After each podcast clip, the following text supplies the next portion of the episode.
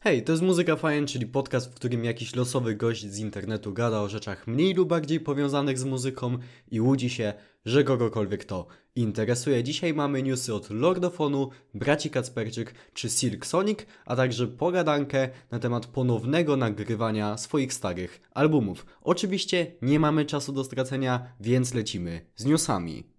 Lordofon, czyli moim zdaniem najciekawszy nowy polski duet z pogranicza hip-hopu i alternatywy, wypuścił długo wyczekiwany nowy singiel o tytule Oz. I dostaliśmy to, za co kochamy Lordofon, czyli klimatyczny, tajemniczy podkład muzyczny i bardzo mocno uderzający tekst Macieja Poredy. Ten utwór na pewno będzie mi towarzyszył podczas wielu wieczorów i Wam również polecam go sprawdzić. Jest jeszcze drugi bardzo ciekawy duet z pogranicza alternatywy i hip-hopu, który tak się składa, że też wydał nowy singiel. I chodzi o braci Kacperczyk, o których już wspominałem w podcaście przy okazji poprzednich singli, a ten nowy nazywa się Brejdaki i to naprawdę urocza piosenka o więzi braterskiej, a i muzycznie mamy wszystko to, co najlepsze w tym duecie, więc również polecam. Album wychodzi już w przyszły piątek, więc jest na co czekać.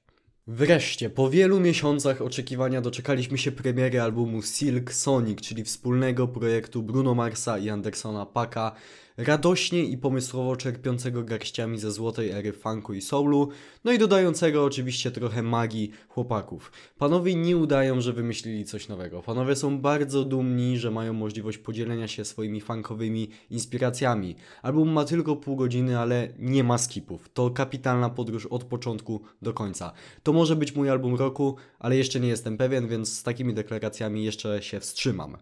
To tyle z newsów na dzisiaj. Teraz pora na pogadankę. Niestety tych newsów nie było w tym tygodniu jakoś bardzo dużo, ale nic nie szkodzi, bo pogadankę i tak mam przygotowaną i mam przygotowaną, całkiem mi się wydaje, ciekawą.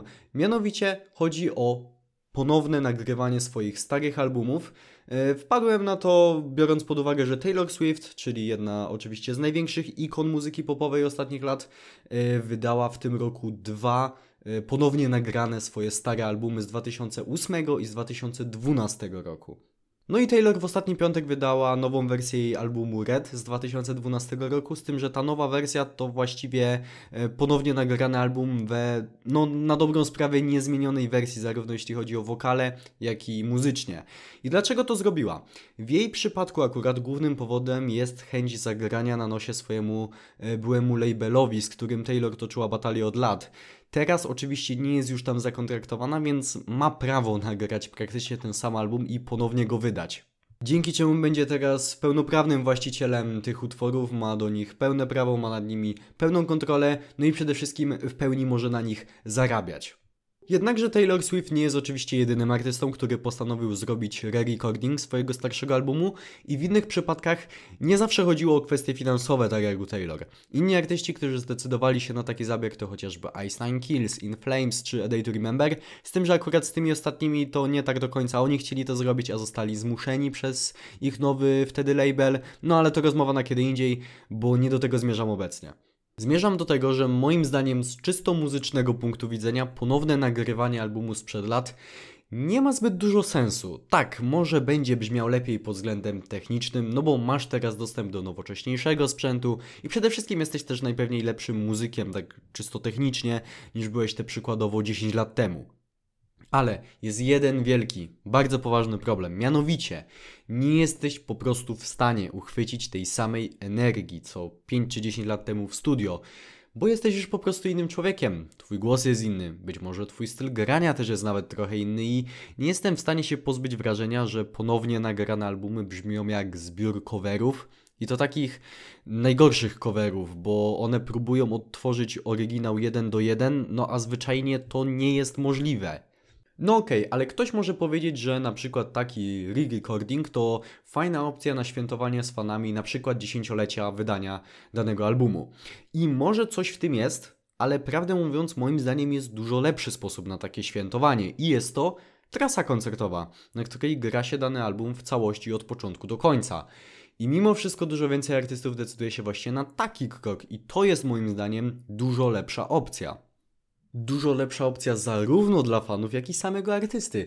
Bo widzicie, ważne jest pamiętanie o swojej przeszłości jako artysta, ale myślę, że dużo lepiej wyjdzie się na tym, kiedy spożytkuje się cenny czas w studio na nagranie nowego, świeżego materiału. I musicie też pamiętać, że to, o czym mówię, nie do końca tyczy się wspomnianej na początku Taylor Swift z bardzo prostego powodu. Taylor już nic nie musi. Zdobyła w przemyśle właściwie wszystko, o czym można pomyśleć, i ludzie i tak będą chętnie słuchać nowej wersji i chodzić na jej koncerty, bo jest po prostu tak gigantyczną gwiazdą. Ona dosłownie może robić co tylko chce. Ale jeśli jesteś nieco mniejszym artystą, to ponowne nagrywanie swojego starego albumu jest moim zdaniem trochę stratą czasu i próbą zrobienia czegoś, co jest po prostu niewykonalne. I tak, można sobie pomyśleć, że no ale hej, przecież Taylor się to bardzo opłaciło, właściwie cała branża muzyczna e, o niej mówi i o tym jej nowym nagranym ponownie albumie. Tak, ale tak jak właśnie powiedziałem, Taylor jest absolutnie gigantyczną ikoną e, muzyki i cokolwiek by właściwie nie wydała, to ludzie i tak będą o tym mówić. Natomiast w momencie, w którym ty jesteś mniejszym artystą czy mniejszym zespołem, no to ludzie nie będą aż tak się ekscytować nagranym ponownie twoim albumem na przykład sprzed 10 lat. I to tyle, jeśli chodzi o dzisiejszy epizod Muzyka Fajem Podcast. Dzięki wielkie za wysłanie go do końca. Standardowo przypominam, że w opisie są linki chociażby do mojego serwera Discord, do mojego kanału na YouTube czy TikToku, gdzie również robię content muzyczny. Przypominam też, że jeśli macie jakieś pytania do mnie, na które chcielibyście, żebym odpowiedział w podcaście, albo macie jakieś propozycje e, na temat tematów, które można w podcaście poruszyć, to możecie mi śmiało dawać znać, czy to w komentarzach, jeśli słuchacie podcastu na YouTubie, czy to właśnie na moim serwerze Discord, do którego oczywiście link jest w opisie. Możecie też do mnie napisać na maila muzykafajen.gmail.com .com, kurwa, no .com, no przepraszam. Tak czy inaczej, ja już Wam bardzo dziękuję raz jeszcze za wysłanie tego epizodu. Życzę Wam miłego dnia bądź wieczoru i do usłyszenia następnym razem. Hej!